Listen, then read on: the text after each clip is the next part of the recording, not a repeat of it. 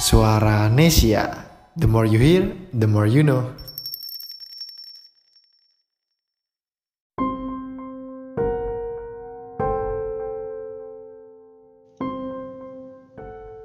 Oke, halo sobat-sobat suara Nesia, gue bakal perkenalkan diri gue dulu. Nama gue Adrian dan banyak teman gue manggil gue Aceng ya.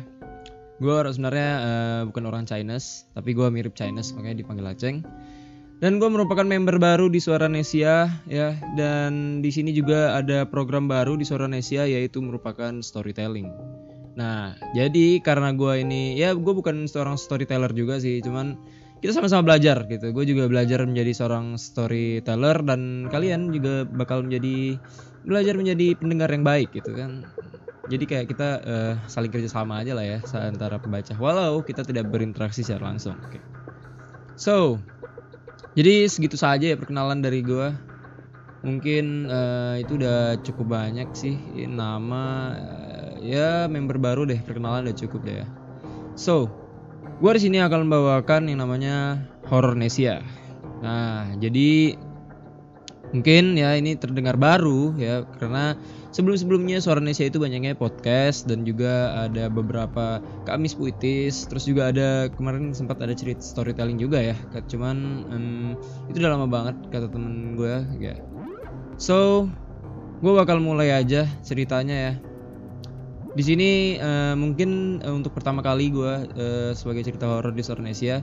Jadi kalau misalnya ada salah kata gue mungkin bisa dimaafin atau mungkin pembawaannya kurang bagus gitu mungkin kalian bisa bisa eh, kasih kasih masukan ke gue gimana cara pe- pembawaannya yang bagus. Ter gue kasih itunya eh, eh, Instagram gue atau Suara Nesia Instagramnya Suara Nesia so DM DM aja ya gitu kan. Ter kasih saran dikit dikit gitu.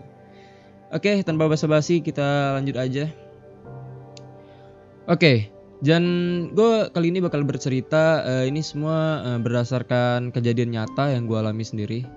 Ini tuh eh, sebenarnya dulu gue nggak percaya dengan hal yang gitu-gituan ya, nggak percaya banget gue. Dan sekarang gue udah mulai ya rada-rada percaya aja sih gitu. Eh, gimana gitu udah berapa kali ketemuan gitu kan? Udah udah papasan gitu berapa kali gue sama yang bersangkutan ya. Dan di sini kebetulan banget gue nih eh, ngerekamnya nih ngerekordnya nih dari udah jam 12 malam ya di di daerah gue di jam 12 malam nih. Eh, gue kebetulan juga orang Batam. So guys, gue bakal mulai aja. Eh, gue bakal mulai sekarang. So one, two, and three masuk ke dalamnya dan hayati horornya teman-teman. Oke. Kita akan mulai ya. So, ini tuh bermulai waktu gua sekitaran kelas 3, kelas 4 SD.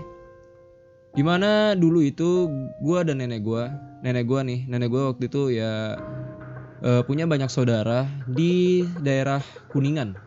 Ya, Kuningan mungkin beberapa kalian dari ada orang Kuningan ya gak asing dengan tempat-tempatnya gitu ya. Cuman gue udah lupa gitu daerah Kuningan tuh daerah mananya.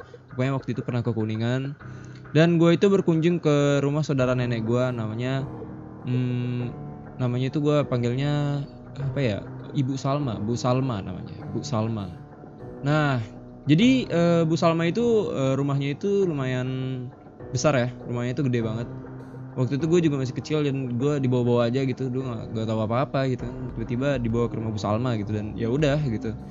So rumah Bu Salma itu awalnya tingkat dua rumahnya itu tingkat dua dan lumayan besar juga. Dia tapi dengan rumah yang sebesar itu dia hanya tinggal dengan suaminya aja katanya.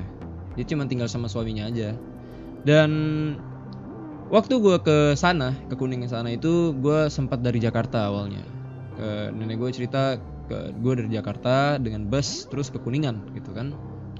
So waktu itu gue nggak sempat bermalam juga sih di kuningan cuma mampir katanya waktu itu. Dan gue lihat rumahnya Bu Salma itu gede banget gede banget super gede guys. Dan gue nggak tahu emang kerjaannya Bu Salma itu apa gue juga lupa ya karena eh, sebenarnya dia udah almarhumah udah meninggal juga udah, udah sejak lama meninggalnya gitu dan akhirnya ya udah gitu gue ikut nenek gue ke rumahnya Bu Salma dan ngeliat rumahnya itu gede banget. Terus di masuk pagarnya itu dekat pagar depannya itu ada tangga untuk lantai dua. Ada tangga untuk lantai dua nih.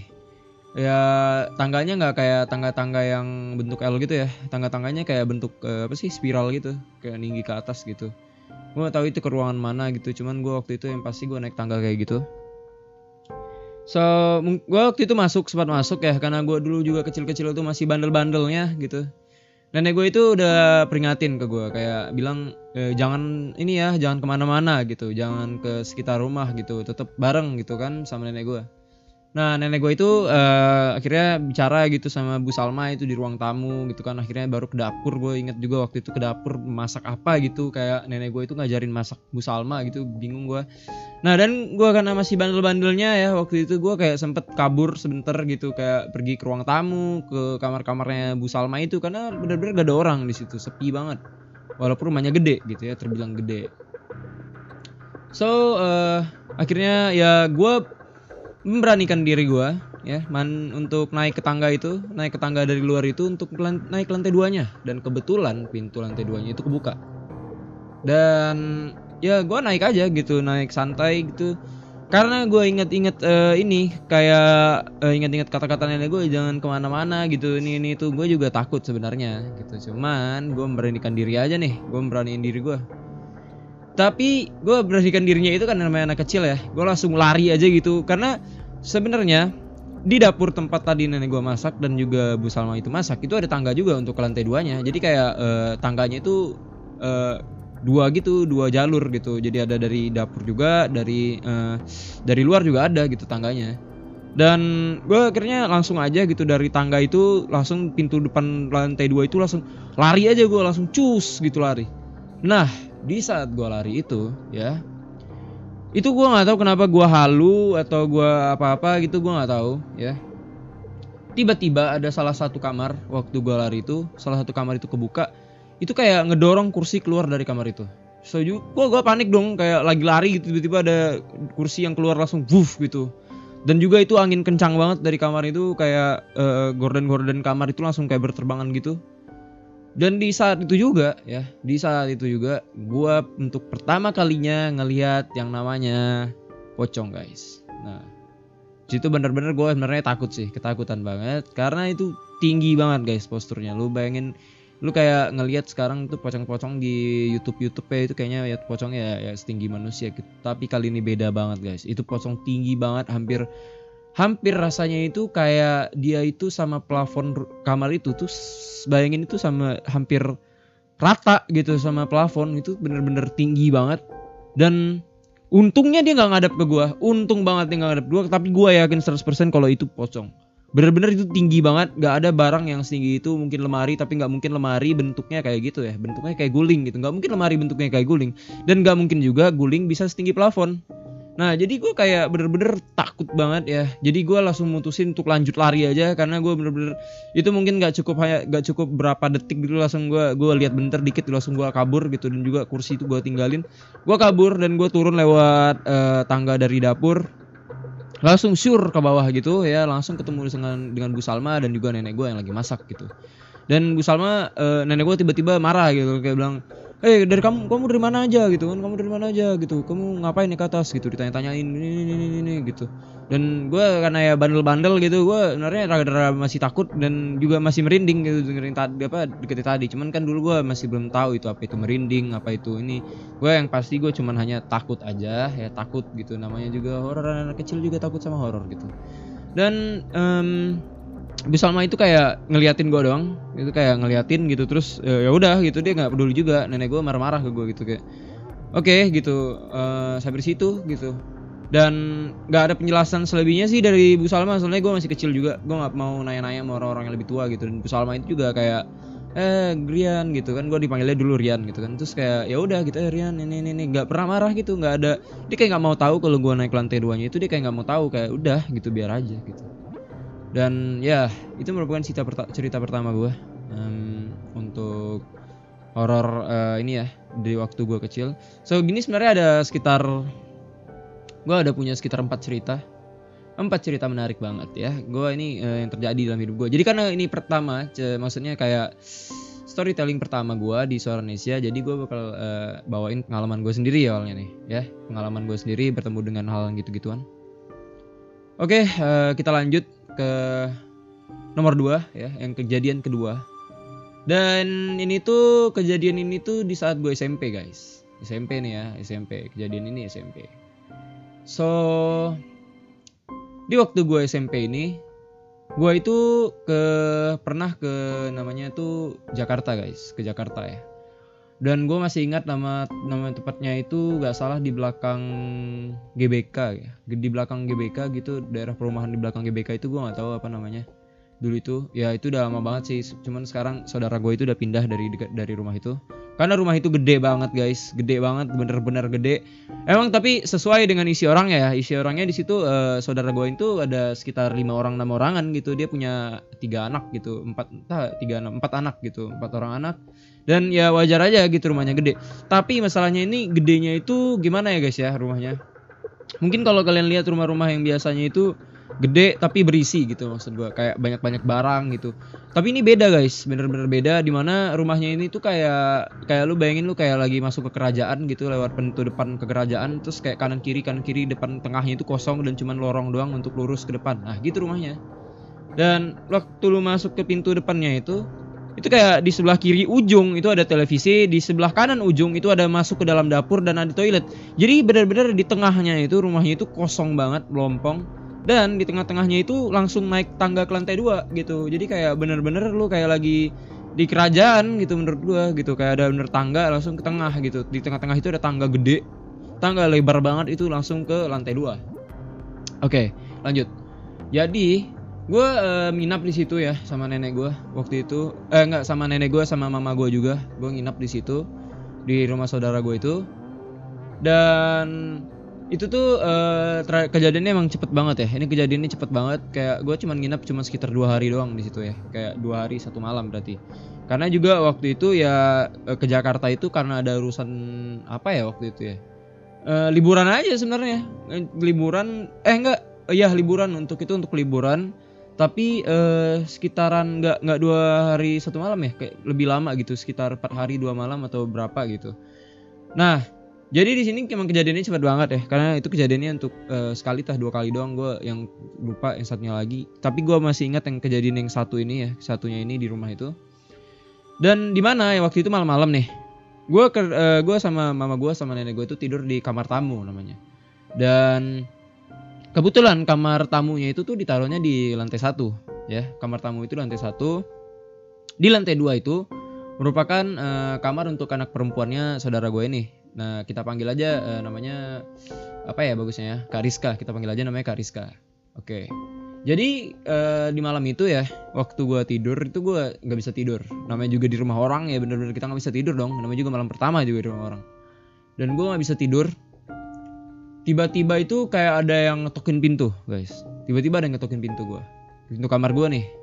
Dan mama gua bangun dong kayak ada yang ngetok pintu gitu. Mama gua bangun terus akhirnya mama gua eh, buka pintu lewat lihat gak ada siapa-siapa gitu. Dan ya udah gitu mama gua eh, oke gitu balik lagi ke tempat tidurnya kan. Karena emang gak ada siapa-siapa gitu balik lagi ke tempat tidur.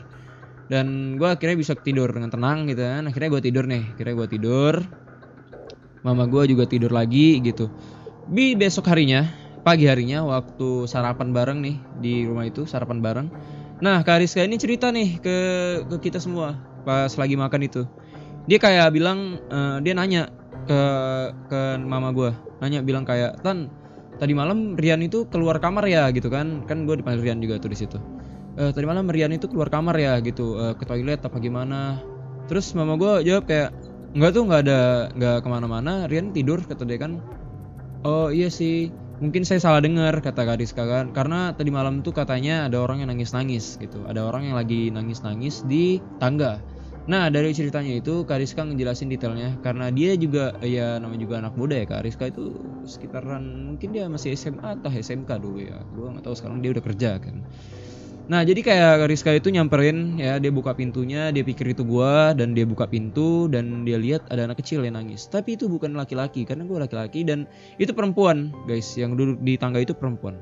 Kak Rizka cerita itu perempuan duduk di situ dan ya dia nanya ke, mama gua cuman hanya make sure aja gitu siapa yang keluar untuk tengah malam. Dia juga nanya sama adik kecilnya dia nanya sama adiknya kayak bilang kamu ada lu ada keluarga? gitu kan tadi malam gitu. Terus adiknya tuh bilang kayak enggak tuh gue udah tidur cepet gitu kata dia kan.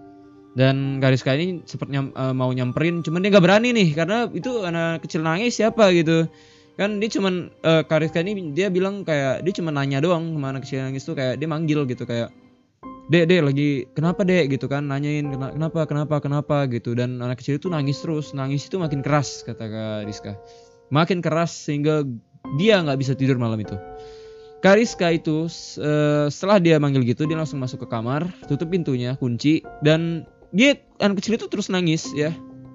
Anak kecil itu nangis terus di tangga itu dan nggak pergi-pergi sampai kata Kariska itu kisaran jam 4 atau jam 3 malam dia baru berhenti.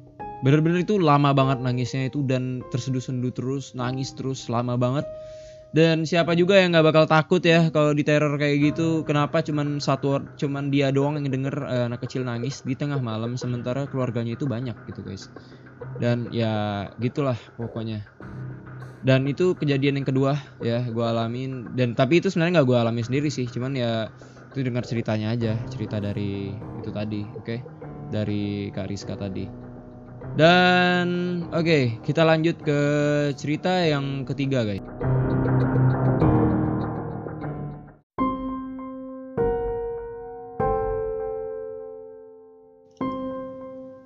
Oke, di cerita ketiga ini ya di cerita ketiga ini tuh um, sebenarnya ini tuh juga uh, se-timeline ya, se-timeline, oke, okay? se-timeline sama cerita yang gue barusan ceritain. Jadi yang tadi itu di Jakarta ya, yang tadi itu di Jakarta. Dan ini tuh masih di Jakarta juga, di teman di beda rumah gitu. Jadi waktu itu gue ke Jakarta itu sempat pindah-pindah guys, pindah-pindah. Dan gue sempat pindah-pindah uh, karena saudara gue ada yang uh, katanya dia nggak uh, ini dulu lah nggak bisa nampung lagi lah apa gimana. Dan ya gue pindah-pindah lagi ke Jakarta uh, tapi daerah lainnya ya yang tadinya mungkin di belakang GBK itu rumah yang di belakang GBK. Dan sekarang itu pindah ke sekitaran gue nggak tahu Jakarta mana cuman masih tetap Jakarta juga. Dan gue masih ingat di situ gue uh, andung gue andung gue uh, jadi saudara nenek gue itu emang bener-bener ada sekitar 8 atau 9 saudara nenek gue dan itu ada yang namanya uh, Andung Abin sama Andung uh, uh, siapa ya? Satu Dawin. Namanya Dawin. Dan gue itu tadi itu yang di rumah yang di belakang GBK itu namanya Andung Dabin. Dan gue ke uh, satu lagi rumah satu lagi di Andung Dawin juga. Oke. Di Andung Dawin ini itu uh, rumahnya biasa aja. Rumahnya biasa aja ya. Rumahnya itu bener-bener biasa aja. Dan tapi ya itu bener-bener daerahnya itu gue nggak tahu itu daerah mana itu sepi banget daerahnya dan gue gue expectnya kayak ke Jakarta itu bakal rame dan gue bakal ketemu temen namanya juga gue masih SMP gitu dulu kan. Dan uh, eh, gue akhirnya nginap juga di situ tapi itu nggak lama. Nginapnya satu hari doang satu hari satu malam. Karena itu waktu itu karena nggak salah kami ngejar pesawat ngejar pesawat. Jadi kayak karena di dekat rumahnya uh, uh, apa sih andung dabin gue ini mungkin dia kenapa gitu dia uh, nyuruh kami keluar apa gimana gue nggak tahu sih ya bingung gue pokoknya. Dan gue akhirnya pindah ke rumahnya uh, andung gue yang Dawin ini untuk uh, ya satu hari doang gitu. Satu hari satu malam. Dan besoknya langsung ke bandara nih berangkat nih. So jadi gue waktu itu emang udah ada kayak ya pengalaman-pengalaman mistis gitu. Jadi gue ya nggak mau sungkan-sungkan untuk bertanya sama orang yang bersangkutan juga ya sama apalagi sama andung gue andung gue itu orangnya fun juga sebenarnya. Dan oke okay, akhirnya di malam pertama eh maksudnya malam pertama maksudnya di malam itu ya waktu kami nginap itu tidur dan karena kami itu dapatnya kamar yang di deket jendela ini rumahnya nggak gede-gede amat ya beda main tadi jadi kami dapat kamar yang kamar di utama, kamar jendela gitu. Dan gue bingungnya di sini kenapa kami dipilihin kamar utama, kenapa kami nggak dipilihin kamar yang kedua? Dan di situ kamarnya emang ada tiga sih, emang ada tiga. Dan satu kamarnya lagi tuh tersendiri di sebelah sana. Itu kamarnya untuk uh, andung gue sama istrinya. Dan kamar yang keduanya itu untuk anak-anaknya. Dan kamar yang pertama ini itu kosong gitu untuk tamu katanya. Dan itu deket sama jendela deket sama jendela. Dan gue aneh aja gitu kenapa ada orang yang mau gitu kamar pertamanya itu untuk dijadiin kamar tamu? Gue bingung kan? Dah, jadi akhirnya gue di situ tidur sama mama gue sama nenek gue bertiga lagi ya di kamar itu. Dan gue inget banget gue nggak bisa tidur sama sekali. Eh ya nggak bisa inget tidur sama sekali. Situ karena banyak nyamuk juga. Dulu itu nggak ada AC kamarnya. Dan gue eh, banyak nyamuk juga di situ nggak bisa tidur gitu kan. Habis itu eh, karena ya de- dekat dengan luar jendelanya itu eh, maksud gue eh, apa sih kayak gorden jendela jendelanya itu tuh gorden putih guys. Dan itu transparan gitu. Maksudnya kayak benar-benar kalau cahaya masuk gitu kayak gampang aja gitu. Cahaya masuk bisa langsung masuk gitu nembus gitu. Dan karena ya gorden putih gitu kan. Dan em, di satu sisi gue kayak bener-bener kayak mikir kenapa ada gorden kenapa gorden transparan ditaruh di kamar depan gitu. Emang dia nggak mau gitu emang dia mau tuh diliatin orang gitu kan. Dan di situ ya jadi andung gua ini tuh pelihara banyak burung juga guys. Burung beo lah burung. Apa sih gitu? Banyak burung-burung. Ya burung hias. Gua nggak nggak ngerti sama orang-orang yang jual burung eh yang pelihara burung juga ya gitu. Dan akhirnya gue tidur juga. Tidur malam eh, nggak bisa tidur kan di situ. Baring doang. Kayak ya udah gitu. Kayak ya lu tau lah kayak orang gelisah gimana sih gitu kan. Nah di situ tuh ya eh, udah malam banget. Udah tengah malam gitu ah gue nggak tahu jam-jam berapa gitu dan tapi yang pasti lampu kamar gue mati dan cuman eh, diterangin sama cahaya dari luar doang cara dari cahaya dari jendela itu gitu dan nerangin ke kami gitu kan. So waktu gue tidur itu gue nggak sengaja ya gue gua nggak bukan nggak sengaja emang gue kayak lihat bener-bener kayak ada bayangan gitu dari luar itu kayak bayangan itu tuh eh, kayak berdiri gitu di depan jendela itu kayak berdiri gitu di depan jendela dan gue awalnya mikir itu kayak pencuri deh karena burung-burung harganya yang namanya ada orang pencuri burung tuh kan pasti ada gitu yang mau nyuri burung dari sangkarnya atau kandangnya cuma dia cari timing yang pas gitu. Dan gue ya gue nunggu aja sih itu bayangan kapan perginya gitu orang itu gitu kan. Jadi kayak gue gue eh, fokus liatin aja ke jendela itu gitu kayak pelan-pelan gue liatin gitu kan. Dan dia nggak pergi-pergi ya orang yang itu nggak pergi-pergi Berapa menit kemudian setelah ada bayangan itu gua lihat di depan jendela itu ya. Burung-burung sebuah burung-burung itu bunyi semuanya guys. Jadi kayak bener-bener bunyi gitu. Gimana sih suara burung gitu kan? Bener-bener kayak burung-burung itu kayak bener-bener dia lagi kayak eh, ngerasain keberadaan gitu. Jadi kayak eh, iya bising banget gitu. Bener-bener bising kayak teriak-teriak lah intinya gitu burung-burung itu di kalau disimpulinnya. Jadi kayak bener-bener teriak semua sangkarnya itu sampai kayak bunyi-bunyi keriting keriting keriting keriting keriting gitu kan. Sampai ada yang terbang-terbang di sangkarnya itu gue jadi kayak panik sendiri karena itu suaranya keras banget lah. Namanya juga burung ada berapa tuh? Sekitar 6 entah 7 burung gitu andung gue pelihara. Itu kayak bener-bener bising banget cuy satu malam itu. Dan gue anehnya gue ngerasa kayak kayaknya gue sendiri deh yang denger ini gitu sementara yang lainnya ya eh, kayak mama gue sama nenek gue itu pada tidurnya nyenyak banget gitu diem doang mereka. Dan gue sendiri gitu kayak panik sendiri gitu di kamar itu ngedengerin hal kayak gitu kan. Terus kayak gue eh, akhirnya gue mutusin karena gue gak kuat lagi gue akhirnya keluar dari kamar terus gue pura-pura ke toilet dulu. Gue pura-pura ke toilet. Dan di saat gue pura-pura ke toilet itu itu tetap masih tak bunyi ya sampai gue keluar dari toilet lagi nah jadi dari toilet itu untuk ke kamar gue itu tuh lewat lewat pintu depan. Maksudnya ada sekilas kayak gimana ya? Kayak gue ngelintasin pintu pintu ini ruang tamunya itu pintu ruang tamu di mana tempat eh, burung-burung itu berada gitu di depannya gitu. Dan akhirnya gue lewat aja. Tapi ada yang gue notice sesuatu ya. Gue notice sesuatu banget waktu gue lewat itu.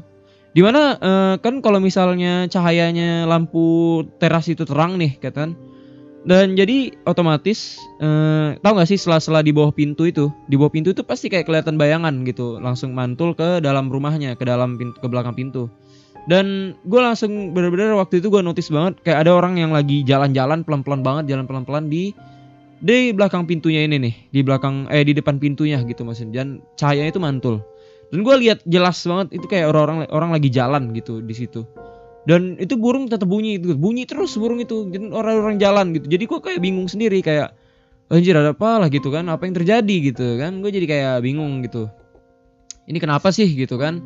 Eh, burung-burung ini nggak tenang dan juga ini ada orang yang lagi lewat-lewat gitu. Jadi kayak eh, gue rasanya juga panik juga sih waktu itu dan juga ketakutan di satu sisi nih guys. Gue memang benar-benar ketakutan waktu itu dan langsung gue masuk kamar aja gue langsung eh, minta selimut eh, ambil selimut gue langsung tutup muka gue langsung sama udahlah gitu udah biarkan berlalu gitu. Dan burung-burung ini tuh langsung tetap makin keras bunyinya guys. Gue nggak bisa nggak bisa tidur. Dan bayangan yang tadi itu tetap ada di tempat yang sama gitu. Dan gue juga mikir ini bayangan kenapa tinggi banget gitu. Dan gue juga sempat positive thinking di saat-saat kayak gitu ya. Gue kayak mikir ini kayaknya ada kayu gitu atau ada gimana atau ada mungkin ada tanaman bentuk tanaman yang berbentuk dengan orang yang tinggi banget gitu. Dan gue mikir juga gitu ya. So ya gue emang bener-bener gak bisa tidur sampai tengah malaman gitu. Gue gak bisa tidur ya di kamar itu karena burung itu bunyi-bunyi terus. Dan akhirnya beberapa jam kemudian akhirnya berhenti. Burung-burung itu bener-bener berhenti bunyinya. Dan itu benih langsung bener-bener sunyi semua sunyi semua sunyi banget. Dan gue sempat lihat ke jendela yang tadi bayangan itu udah nggak ada lagi ya. Bayangan itu udah nggak ada udah nggak ada lagi benar-benar pure clear gitu kayak benar-benar cahaya masuk dengan ya semua cahaya masuk gitu ke dalam kamar. Dan akhirnya gue bisa tidur ya bisa tidur dan gue nggak tahu lagi cerita setelah itu. Gue akhirnya tidur. Nah lalu gue paginya waktu makan bareng itu gue nanya sama andung gue nih dung eh biasa tuh ada orang yang ini ya apa ngatur burung atau gimana itu di luar gitu. Terus andung gue jawab kayak nggak ada tuh kata dia. Emang kenapa? gitu katanya. Burungnya bunyi bunyi ya kata dia. Iya malam-malam. Oh biasa itu. Paling cuman beo-nya doang yang bunyi kata dia kan. Beo doang bunyi. Ya paling ya namanya juga burung kata dia kan. Kalau ada orang lewat mungkin kata dia. Terus gue bilang enggak tapi ini kayak semua burungnya itu bunyi gitu berantakan banget bunyinya gue bilang gitu kan. Terus kayak gue bilang oh iya ya katanya kan. Oh gitu. Dan gue nih kayak dia nggak kayak nggak percaya gitu sama apa yang gue ceritain. Kayak ya udah gitu. Dan selagi burungnya masih aman emang burungnya masih aman. Gak ada yang hilang sama sekali. Andung gue kayak ya udah gitu. Mungkin mungkin tadi malam tuh ada ada apa gitu. Mungkin ada angin ada angin kencang apa gimana. Mungkin ributnya menurut dia kayak gitu. Tapi menurut gua sendiri itu bener-bener ya itu yang terjadi gitu. Bener-bener kacau banget tadi malam itu so akhirnya udah gua berhentiin pembicaraan kayak ya itu useless banget gua ngomong kayak gitu karena bener-bener eh, dia nggak percaya sama gua nih. Ya udah gitu useless. Nggak mau tahu lagi deh gitu. Mungkin mm, beberapa tamu yang datang ke rumah dia bakal mungkin bakal ngerasain lagi gitu ngerasain kayak gua. Gua berharap aja kayak gitu sih. Biar orang itu merasakan penderitaan yang sama kayak gua anjir. Dah, lalu ya itu dia cerita yang ketiga nih, ya, cerita yang ketiga. Dan itu di timeline yang sama dari cerita yang kedua, cuma beda rumah. Dan oke, itu juga eh, berapa itu yang udah ketiganya. Dan sekarang kita bakal lanjut yang keempat nih. Kayak gue bilang tadi, gue bakal bawain 4 cerita ya, 4 cerita horor eh, pengalaman gue yang gue ingat-ingat aja nih. Dan menurut gue itu lumayan creepy juga. Dan ini eh, cerita ini ini waktu gua udah dewasa nih. Nah ini nih udah nggak ini sebenarnya nggak terlalu lama sih sekitar satu tahun yang lalu ya. Jadi gua itu dulu sering pindah-pindah rumah, pindah-pindah rumah ke dari Batam itu kayak dulu gua eh, sekitar 8 rumah 10 rumah gua udah pindah-pindah kata nenek gua nih. Dan eh kata nenek gua dan juga mama gua, gua udah pindah-pindah rumah mana pun. Dan akhirnya gue udah dapat rumah yang baru, rumah yang bisa gue tetapin untuk selamanya ya. Dan rumah ini ya tempat tinggal gue sekarang. Ini tempat sekarang gue ngebikin podcast ini dari di rumah ini. Di rumah yang bakal gue ceritain ini. Nah, jadi nenek gue itu atau mama gue itu pernah cerita dulunya waktu gue kecil ya. Karena juga setiap rumah yang gue pindahin tuh kadang sering juga ada yang aneh-aneh juga. Cuman nggak terlalu creepy banget. Paling cuman paranormal activity doang gitu. Nggak ada yang memunculkan wujud gitu kan. Dan nenek gue sering cerita sama gue kalau setiap rumah itu selalu ada penunggunya. Nah, dan gue juga awalnya nggak percaya gitu penunggu apaan gitu kan. Maksud gue ya ya penunggu apa sih gitu mungkin penunggu mm, rumah gitu penunggu rumah-rumah yang lama gitu udah meninggal mungkin ya masih arwahnya masih bekas.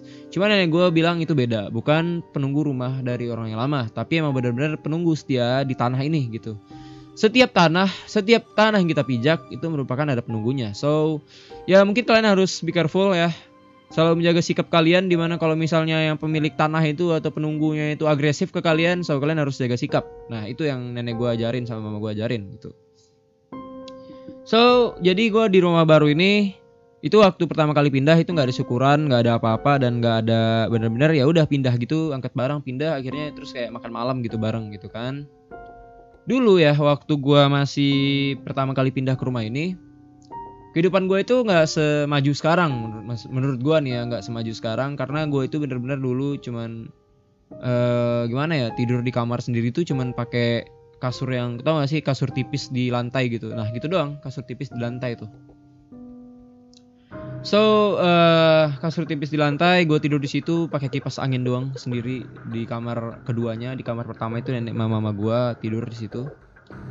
dan di situ juga karena gue SMA nih udah SMA gue juga pengen belajar untuk mandiri dong ya nggak kan nah ini tuh sebenarnya nggak jauh-jauh dari SMA gue masih kelas 10 SMA dan dan mohon maaf sebenarnya gue bukan SMA tapi SMK ya tapi SMK bukan SMA dan itu waktu gue masih kelas 10 gue inget banget ya kejadian itu.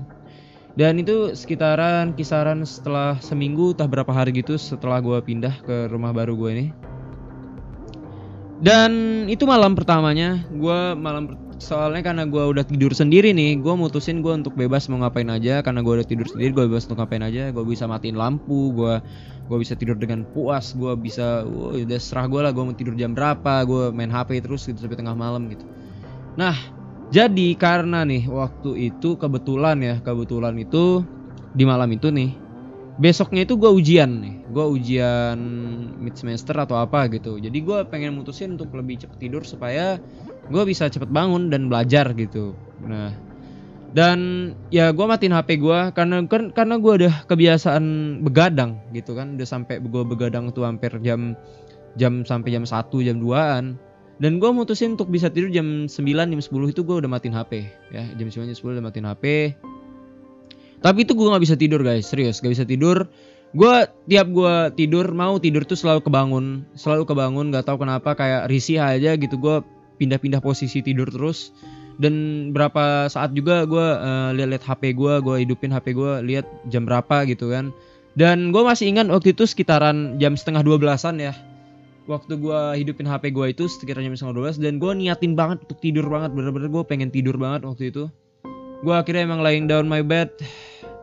Dan langsung langsung aku aja eh, tidur gitu tidurin pejamin mata gitu kan pejamin mata berkali-kali kedipin mata tidur jamin terus bernafas gue dengan benar ya gue ngikutin trik-trik gue lihat dari Google gimana cara tidur dengan cepat.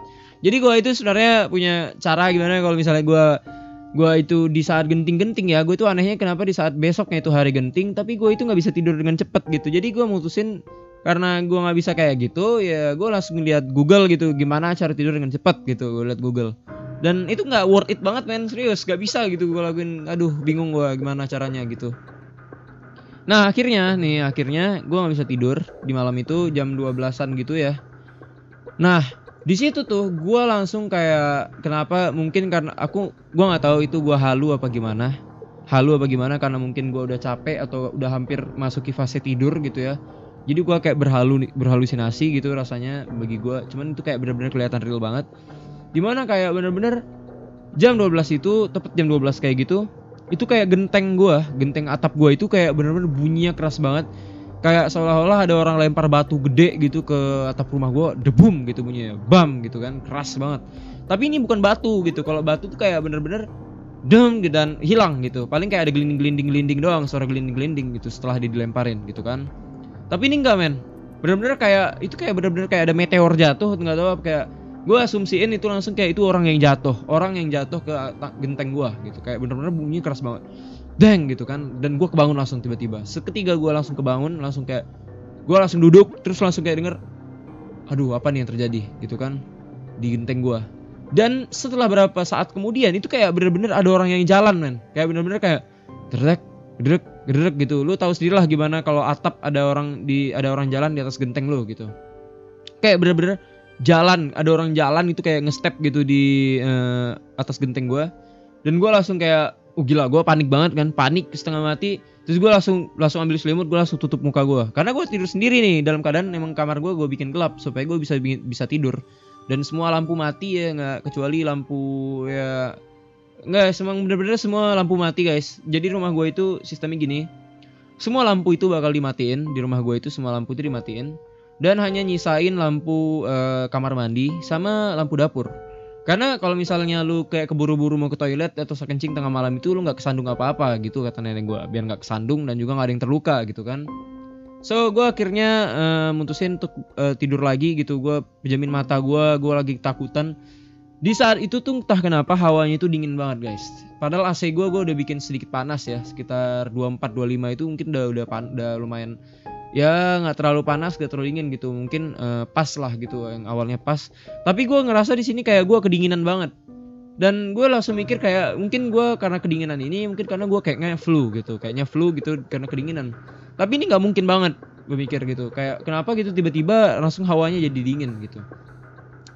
Dan jadinya gue secara refleks ya secara refleks gue nggak berani buka gue nggak berani buka yang awalnya gue nggak berani buka selimut gue nih dan gak berani buka mata gue gue refleks karena kepana, karena kedinginan tadi gue langsung buka mata gue dan langsung gue lihat ke tepat tujuan gue itu di pintu depan gue di pintu kamar gue depan pintu kamar gue dan itu bener-bener gue yang pertama kalinya untuk melihat sosok ya dan wujud yang dengan begitu real dan begitu nyata dan gue lihat bener-bener kayak wuh gitu gila sih gue lah bener-bener langsung ah merinding setengah mati takut setengah mati dan juga gue bener-bener gak bisa ngomong guys. Gue gak bisa ngomong apa-apa gue gak bisa ngucapin suara apa pun.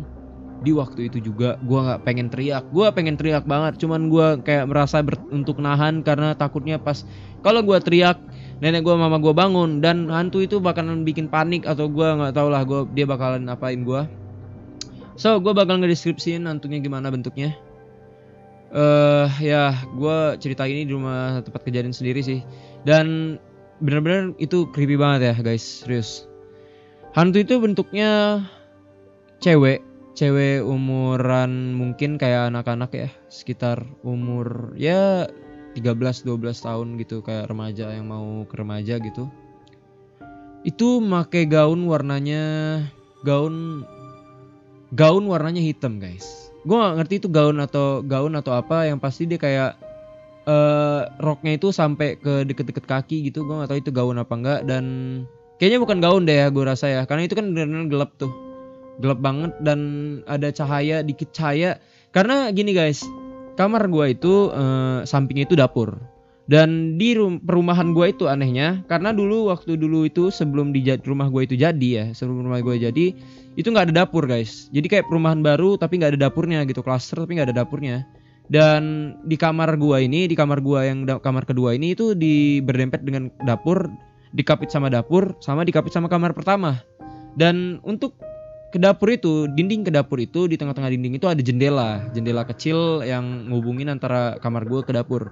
Dan itu gue sebenarnya jendela itu udah gue tutup pakai kayak semacam apa sih tempelan stiker gitu dah. Tempelan stiker gitu gue tutup supaya ya nggak cahaya nggak masuk gitu masuk ke dapur gue atau atau ada orang yang mau lihat dari dapur gue gitu. Soalnya creepy juga kan gitu.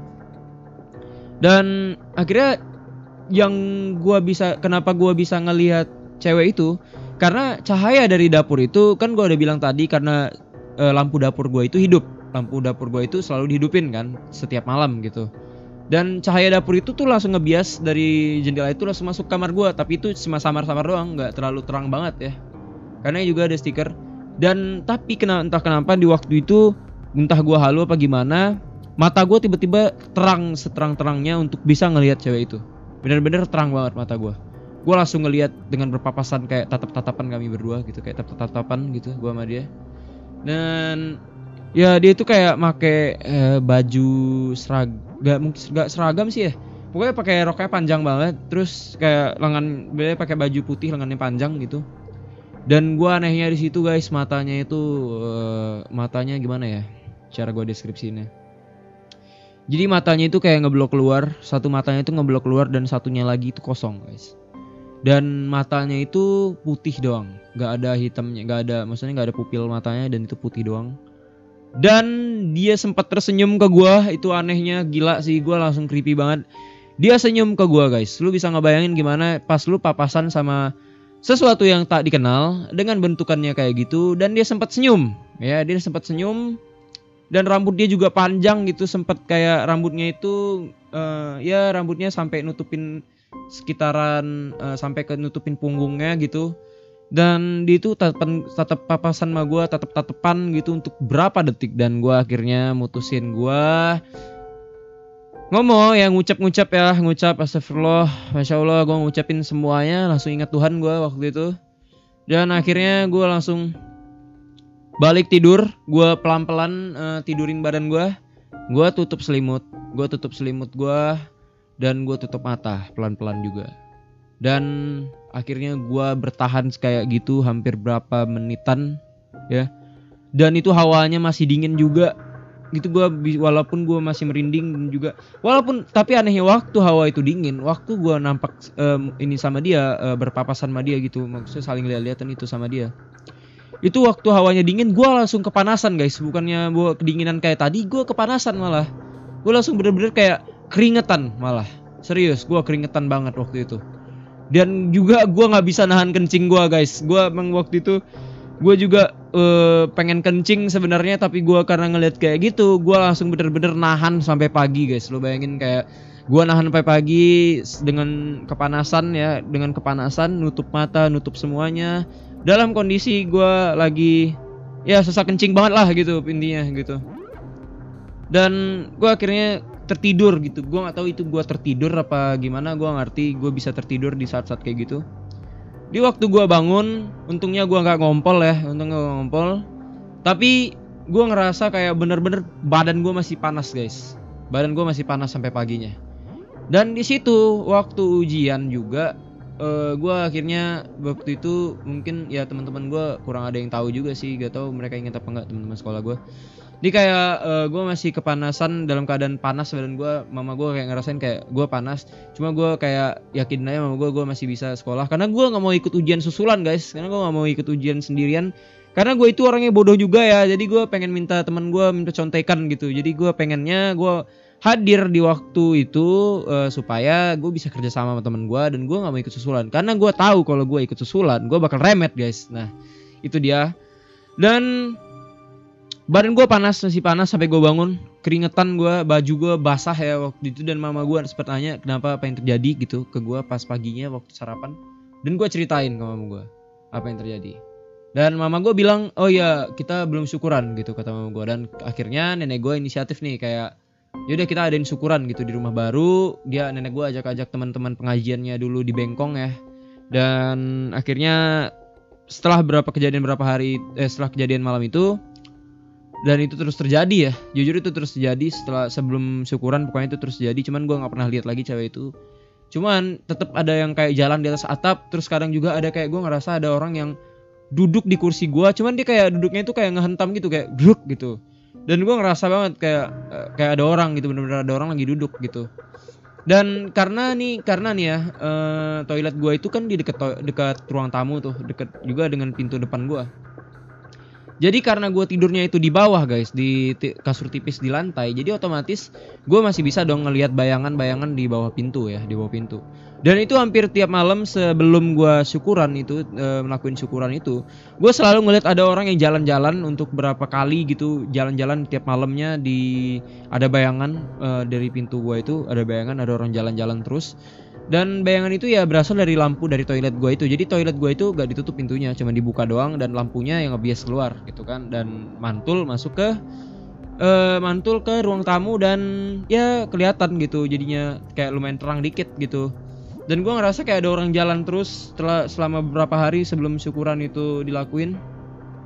Akhirnya di hari syukuran akhirnya terjadi ya hari syukuran terjadi eh, nenek pengajian teman-teman pengajian nenek gue itu datang semua untuk ngelakuin pengajian syukuran ya kan doain supaya yang terbaik lah gitu ya. Namanya juga percayaan gitu kan sebuah kepercayaan.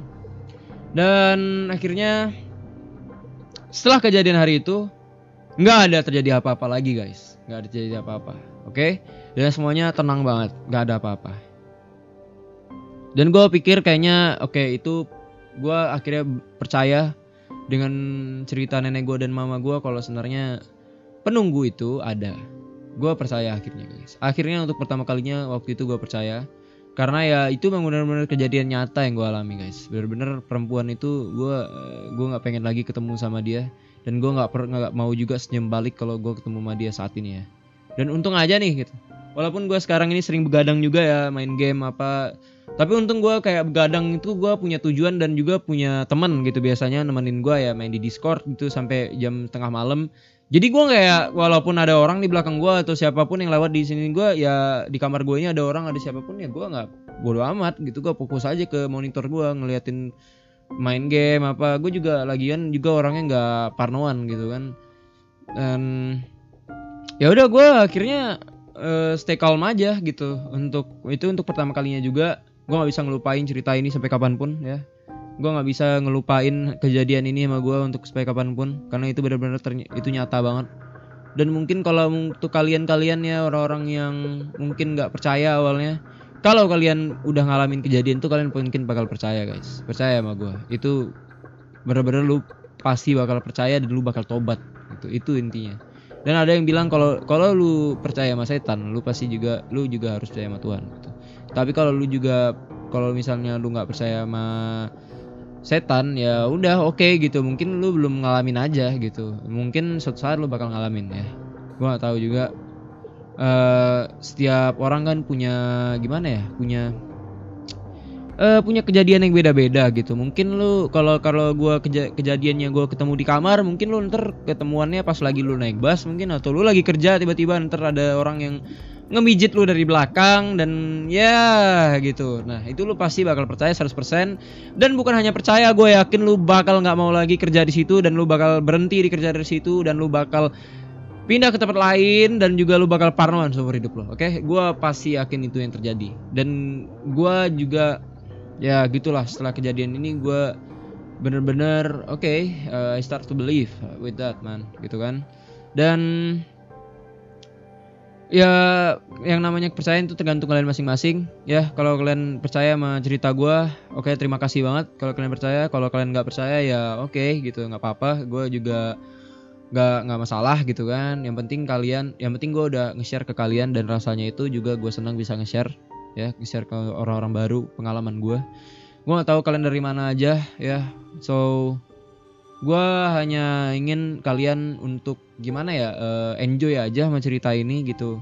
Mungkin kalau misalnya horornya dapet bagi kalian ya alhamdulillah gitu bagi gue dan kalau misalnya horornya emang nggak dapet mungkin kalian bisa ngasih saran ke gue atau kalian ya memutuskan untuk ninggalin gue ya is oke sih. Cuman gue berusaha sekuat mungkin untuk narik pem pendengar ya. Gue berusaha sekuat mungkin untuk menarik pendengar untuk dan untuk membuat suara Nesia ini supaya lebih maju juga ya guys ya.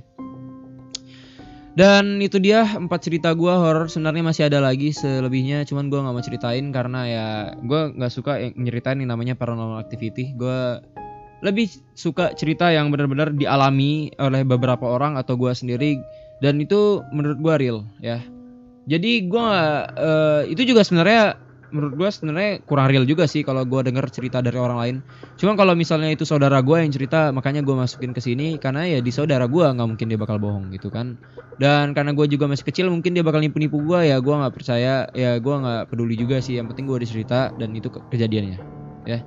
Dan itu dia empat kejadiannya yang udah gue ceritain untuk di program pertama storytelling gue bersama Suara Nesia juga. Dan kalian patut tungguin juga update-update dari Suara Nesia guys ya. Gue bakal update storytelling tiap Jumat malam Sabtu di Suara Nesia so stay tune guys. Jangan pernah ngelewatin ya. Oke jadi benar-benar Suara Nesia itu seru guys sebenarnya guys. Kalau lu dengar kalian kalau kalian kalau dengar dengan benar-benar dan kalian menghayati dengarnya itu benar-benar seru. Apalagi Kamis Puitis ya. Dan sejauh ini gue Kamis Puitis mungkin menurut gue ya 80% gue eh, udah berapa mungkin gue dengar juga tapi gue lumayan lebih denger kayak podcast podcastnya atau kayak eh, cerita-cerita anak-anak rantaunya juga gue dengar juga dari suara Indonesia ini. Jadi kayak benar-benar gue eh, like banget ya. Jadi so kalian yang suka jadi dengan podcast atau suara dari suara Indonesia atau juga cerita-cerita dari suara Indonesia atau Kamis Puitisnya so jangan kalian lewatkan juga storytelling tiap Jumat malam Sabtu di Suara Nesia ya. Bersama gua Adrian ya. Jadi kalian jangan lewatin so ya stay tune aja guys. Dan kalau kalian supaya kalian tahu update-nya ya gua saranin kalian untuk nge-follow dulu ya Instagramnya Suara Nesia ya @suaranesia.cn jangan lupa ya disambung Suara Nesianya disambung .cn. Dan juga kalau misalnya kalian mau gua ngasih gua gua saran secara pribadi gitu ya mungkin kalian bisa ke Instagram gua aja langsung ya eh, at this.ceng ya sd.ceng t h i s ya t h i s dot c h e n g oke? This.ceng dan ya itu aja dari gua. Ini juga pertama kalinya gue ya sebagai storyteller. Gue juga eh, belum ahli banget. Jadi kalau misalnya ada salah-salah kata atau salah omongan mohon dimaafin. Gue bakal improve setinggi tinggi mungkin eh, cara gue nge-storytelling gitu. Karena menurut gue gue masih kurang banget ya di dalam storyteller ini. Gue kurang banget. Dari tadi juga gue ada salah-salah kata guys. So itu dia itu aja sih dari gue terima kasih guys kalau misalnya uh, fun menurut kalian atau horor ceritanya So kalian mungkin tungguin aja gua di Jumat malam Sabtu ya. Gua nggak tahu update-nya jam berapa karena itu yang update ada juga orang yang bakal ngupdate, bukan gue yang update. Dan mungkin gue bakal saranin uh, update-nya untuk malam aja gitu supaya namanya juga Jumat malam Sabtu besoknya libur. Jadi gue pengen semua orang yang lagi free untuk mendengarkan ini ya cerita ini, cerita horor-horor ini. Dan dan by the way juga ini gue nggak bakal gue nggak selalu ngebawain cerita horor juga sih.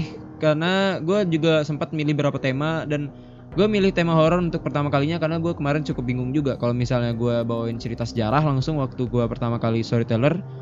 Dan itu nggak enak juga sih. Jadi kayak canggung gitu nggak sih? Ya nggak sih? Nggak dapet gitu serunya. Jadi gue uh, ambil cerita inisiatif untuk cerita horor aja. Dan juga ada saran dari saran dari teman gue untuk uh, cerita horor gitu dia bilang karena ya menurut dia dia juga suka horor gitu so oke okay sih itu aja uh, stay tune sih ya guys ya untuk cerita-cerita berikutnya yang bakal gue ceritain ke kalian. Gue harap ini bener-bener dapet horornya sama kalian dan juga dapat serunya ya. Makasih banget untuk yang denger. So jangan lupa guys untuk stay tune dengan suara Nesia. The more you hear, the more you know guys. Thank you dan terima kasih.